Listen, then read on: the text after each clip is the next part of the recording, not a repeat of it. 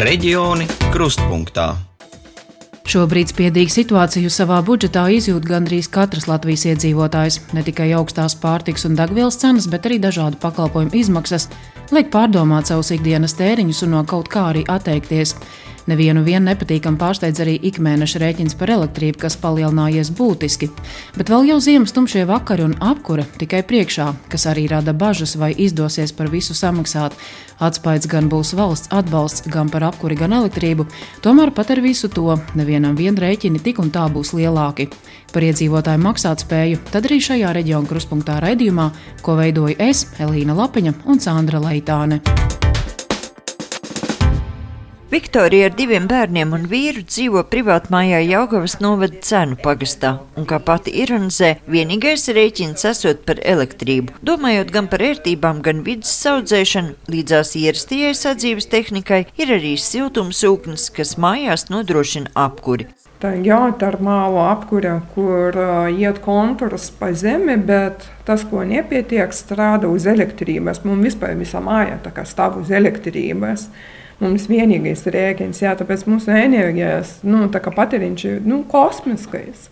Varētu tā teikt. Nu, cik kilovatstundas jūs mēnesī vidēji patērējat? Vidēji, kad mums bija ar elektrumu izlīdzināties maksājums, mums vidējais patēriņš tur plus mīnus bija kaut kur pusotra tūkstoša kilovatu.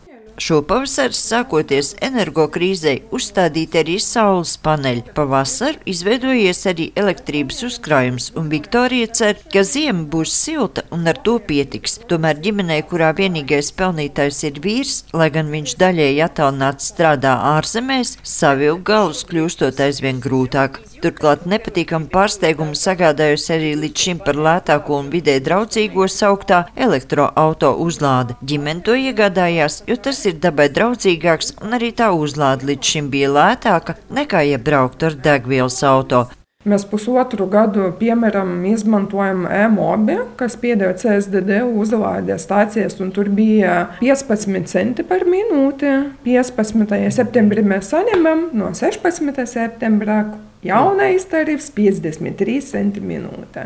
Papildus izdevumus radījusi arī administratīva teritoriālā reforma. Agrāk cenu pagasts bija uzulnieku novadā, kur gan skolēniem, gan bērnu dārza bērniem par ēdināšanu nebija jāmaksā, bet pēc uzulnieku novada iekļaušanas lielajā Jaugavas novadā bērnu ēdināšanai tiek prasīts vecāku līdzmaksājums 50% apmērā. Viktorija stāsta, kā arī interešu izglītība kļūst dārgāka.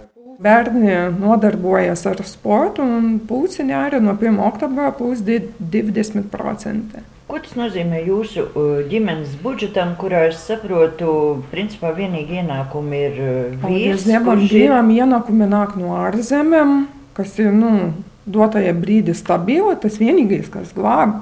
Bet arī sanāk, ka ienākumi vieni un tādi paši, bet izmaksas aug un viņas aug ļoti strauji. Jāgaus no domas priekšsēdētājs Madars Lasmans no partijas Latvijas attīstībai, kurš tās augtās novadu reformas laikā bija vidas aizsardzības un reģionālās attīstības ministra padomnieks, norāda, ka tā esot tikai apstākļu sakritība. Turklāt līdzmaksājums 50% apmērā no pusdienu maksas neskar 1-4 klašu skolēnus, kā arī 45% no mācību sistēmā iesaistītajiem bērniem. 19. gadā uzsākot reformu, mēs nevarējām paredzēt ne Covid krīzi, kas mums, eh, var teikt, nemanot piezagās, ne arī 22. gada kara krīzes radītos apstākļus.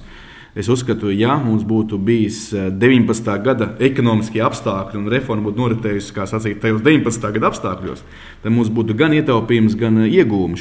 Mēs, protams, būtu priecīgi dot brīvpusdienas visiem un visur. Problēma sākās, ka tā brīvpusdiena kopums ir pieaudzis gandrīz vai trīs reizes.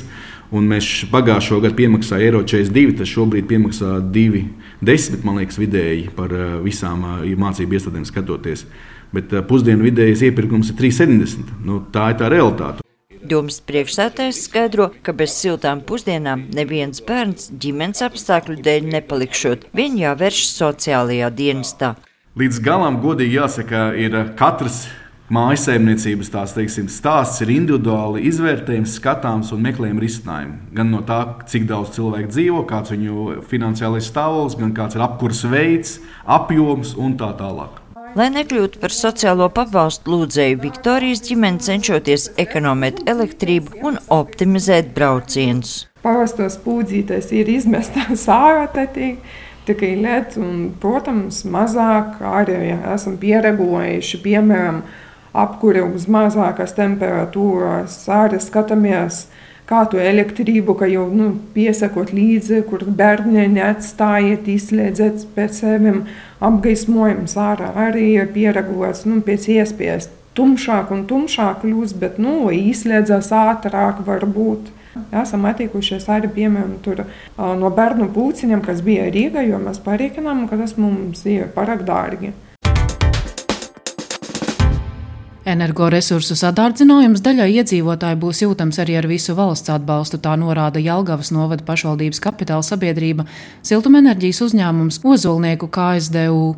Sevišķi to izjutīs nerenovēto māju iedzīvotāji. Uzņēmuma siltumapgādes struktūra vienības vadītāja Agate Kļaviņa stāsta, valsts atbalsts īpaši ir jūtams dabasgāzes tirgus apstākļos, tomēr iedzīvotājiem, kam tā tiek izmantot apkurē, izmaksas tik un tā būs palielas. Mums ir daudz šādu dzīvojamo māju, kur pie katras mājas izvietots gāzes apkuras katls, kurš pieder pašam iedzīvotājiem. Ir renovētas mājas, tur situācija ir stabila bet uh, nerenovētās ēkās siltumenerģijas patēriņš mēdz būt pat vairāk kā divas reizes lielāks. Pašas katliekārtas pārsvarā arī ir neefektīvas un ierīkotas 90. gadu vidū. Un varbūt ņemsim par piemēru tādu 50 km2 dzīvokli šādā energo neefektīvā mājā. Par apkuri 2021. gada sākumā ziemas mēnesī samaksāja 38 eiro, 22. gada sākumā ar uh, valsts atbalstu tie bija jau 149 eiro. Uh, savukārt 2023. gada sākumam mēs prognozējam ar paredzamo valsts atbalstu ka dabasgāzē būtu noteikti šie cenu griezti 108 eiro, uh, apkurs izmaksas būs 224 eiro par šo 50 km2 dzīvokli. Bez valsts papildu atbalsta par 50 km2 dzīvokli energo neefektīvā mājā cena būtu bijusi pat 700 eiro lēšu uzņēmumā.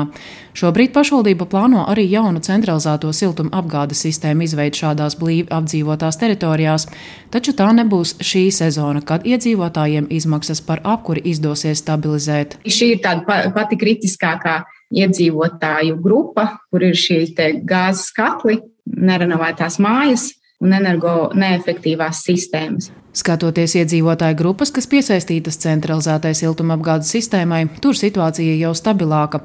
Agate Kļaviņa piebilst, Jālgavas novadā katrā ciemā ir savs tarifs. Šobrīd zemākais tas ir Ozolniekos, kur siltumenerģiju ražo ar šķeldu.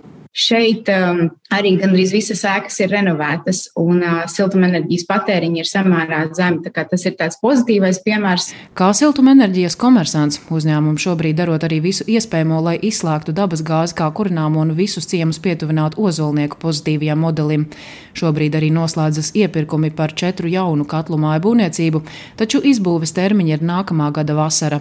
Šī sezona iedzīvotājiem būs kaut kā jāpārvar. Ir iedzīvotāji, kuri par apkuri veic avansu maksājumus šovasar. Jā, savukārt mēs jau šobrīd izjūtam parādu pieaugumu, un īpaši no tām maisaimniecībām, kuras nav spējušas norēķināties vēl pirms cenu kāpuma. Jā, varētu pat teikt, ka ir tāda tendence nevis tik daudz pieaugt parādnieku skaitam, kā tieši pašam parāda apmēram esošo parādnieku kontekstā. Šobrīd ar māju apsaimniekotājiem tiek runāts arī par taupības pasākumiem, piemēram, temperatūru samazināšanu. Ir mājas, kur tos var veiksmīgi veikt, piemēram, renovētās mājās, taču nerenovētās siltumenerģijas sadalījums ēkas iekšienē mēdz būt ļoti nevienmērīgs, un tur gan maz ko var darīt, lai kādus taupības pasākumus ieviestu. Kopumā situācija gan nenāk par labu arī pašam uzņēmumam. Mēs arī esam spiesti aizņemties finanšu līdzekļus, lai iepirktu kurināmo, jo kurināmo, nu, teiksim, tās līguma saistības vairs nav tādas kā citus gadus. Jā, apmaksas termiņi ir ļoti īsi, tādi, kuros iedzīvotāji vēl nav apmaksājuši savu pakalpojumu. Līdz ar to mums ir vajadzīgs no kā no atspērties. Reģioni krustpunktā. Atbalstu mājasemniecībām inflācijas seku mazināšanai nepieciešams sniegt aptuveni 80% sabiedrības. Tā savukārt norāda ekonomikas ministrijas analītikas dienesta vadītāja Dace Zīle. Ir veikta analīze par mājasemniecību izdevumu struktūru, iedzīvotāju sadalot piecās grupās, jeb kvintilēs pēc to turīguma, katru grupu pa 20% no trūcīgākā līdz turīgākam skatoties arī vairāk tieši uz šo maisaimniecību izdevumu struktūru, piemēram, ļoti iezīmējās, ka pirmā kvintila, jeb trūcīgākie 20% mājoklim, ūdenim un elektroenerģijai 19. gadā tērēja 43 eiro uz vienu maisaimniecības locekli. Savukārt, salīdzinot ar piekto kvintilu, kas būtu turīgākā sabiedrības daļa, šis rādītājs jau ir 95 eiro. Papildus gan jāņem vērā, ka līdz ar Covid pandēmiju sociālā nevienlīdzība ir kļuvusi vēl izteiktāka. Cilvēki, kuriem bija iespēja strādāt attālināti, bija mazāk pakļauti riskiem ar darba zaudēšanu. Kopumā tas, ko ekonomikas ministrija redz maisaimniecību kontos, uzkrājumi lēnām samazinās. Savukārt, skatoties nedaudz tālāk par to, kā mums veidojās situācija ar um, rezervē esošajiem ienākumiem maisaimniecību rīcībā, tātad uz 20. gadu mēs redzam, ka sistemātiski mīnusos dzīvo pirmās trīs kvintilas, jeb apmēram 60% sabiedrības, ceturtā kvintila, jeb tā, kas ir nu, tie 20% zem turīgākajiem 20% viņiem uzkrājums uz mājasēmniecību vidē mēnesī veidojās ar mazu plusiņu 127 eiro. Eh, savukārt, eh, turīgākie 20% sabiedrības katru mēnesi cūciņā var iemest 1163 eh, eiro. Tas ir 20. gada dati. Tādējādi valdības lēmums tika izvēlēts sniegt atbalstu galvenokārt šiem te trūcīgākajiem iedzīvotājiem, un tas ir ļoti pareizi, jo atbalstam ir jābūt mērķētam. Situācijas ir daudz un dažādas, un riski pastāv, ka daļa sabiedrības vienkārši mēģinās vilkt galus kopā. Tomēr, kā uzskata Svetbanka pārstāvis Jānis Krops, ja paralēli izdevumiem vēl ir arī, piemēram, hipotekārais kredīts, tas nu ir pēdējais, ar ko cilvēki riskē. Šobrīd kopējā tendence ir tāda, ka nav pārāk liela spiediena uz to, ka kāds varētu nespēt samaksāt šos kredītu maksājumus. Otra lieta arī jāsaka, nu, sabiedrība mums kaut kā tomēr ir pietiekami apzinīga, ja, ka šis kredīta maksājums par savu mājokli, ja mēs runājam tieši par hipotekāro kredītu, it īpaši ir vienmēr bijis tāds, nu, pēdējais bastions, ko nu cenšas vienmēr samaksāt kā pamatlietu vienmēr. Ar bažām nākotnē raugās arī Anita, kura kopā ar dēlu pirmā kursa studentu dzīvo privātmājā Jaugavas novada Valgunas pagastā. Bail no ziemas ir, un no rudens arī. Elektrības rēķini ir tādi, ka man bail. Par augustu bija šausmīga summa, un gadu iepriekš man bija nevis uz pusi, bet jā, viena trešā daļa. Anita stāsta, ka apkurei izmanto koksnes granulas, ko vasarā izdevies sagādāt par dārgu, bet ne kosmisku cenu. Lielākais elektrības patērētājs esot boilers ūdens sildīšanai un pats apkurs katls, lai mazinātu elektrības patēriņu, viens otru uzvaktējot, lai lieki nekur telpās nedegtu gaisma, bet būtiski samazināt veļas mazgāšanas biežumu vai dušas izmantošanu, gan ne Anita, ne dēls nesot gatavi, meklējot risinājumu, tiekot pārskatīti elektroenerģijas tirgotāju piedāvājumi. Ilgus gadus biju pie elektruma, tad um, piedāvāja teicis pirms krīzes, gada sākumā. Un, jā, un tad eh, tas piedāvājums likās interesants. Jānis pārgāja uz tētu. Nu, tagad es nezinu, meklēju, es skatījos Enefitā. Tur ir, um, jā, tas kilovatstundu izmaksas ir mazākas, bet tur ir tas līguma termiņš tik liels, ka, ja nu kaut kas mainās uz labo pusi, un tad pārmaksāt no atkal. Mazliet atspējas varētu būt nesen valdībā pieņemtā atbalsta pakete, tomēr kompensējumās 100 kWh situāciju neglābšot. Lielas cerības energokrīzes novēršanā iedzīvotāji liek uz nula ievēlēto saimu. Vai tās piepildīsies, to gan rādīs tikai laiks. Eksperti publiskajā telpā visbiežāk pauduši, ka jostas būšot jāsavalk arī nākamajā ziemā, bet situācijas uzlabošanās esot gaidām apmēram četru gadu laikā. Raidījumu pēc Latvijas radio viens pasūtījuma veidoja RTV, Elīna Lapiņa un Sandra Leitāne. Bet jau nākamajā reģiona krustpunktā raidījumā kolēģi no Kurzemes skaidros, kā Latvijā soks ar sabiedrības iesaisti visaptverošas valsts aizsardzībā. Reģioni krustpunktā.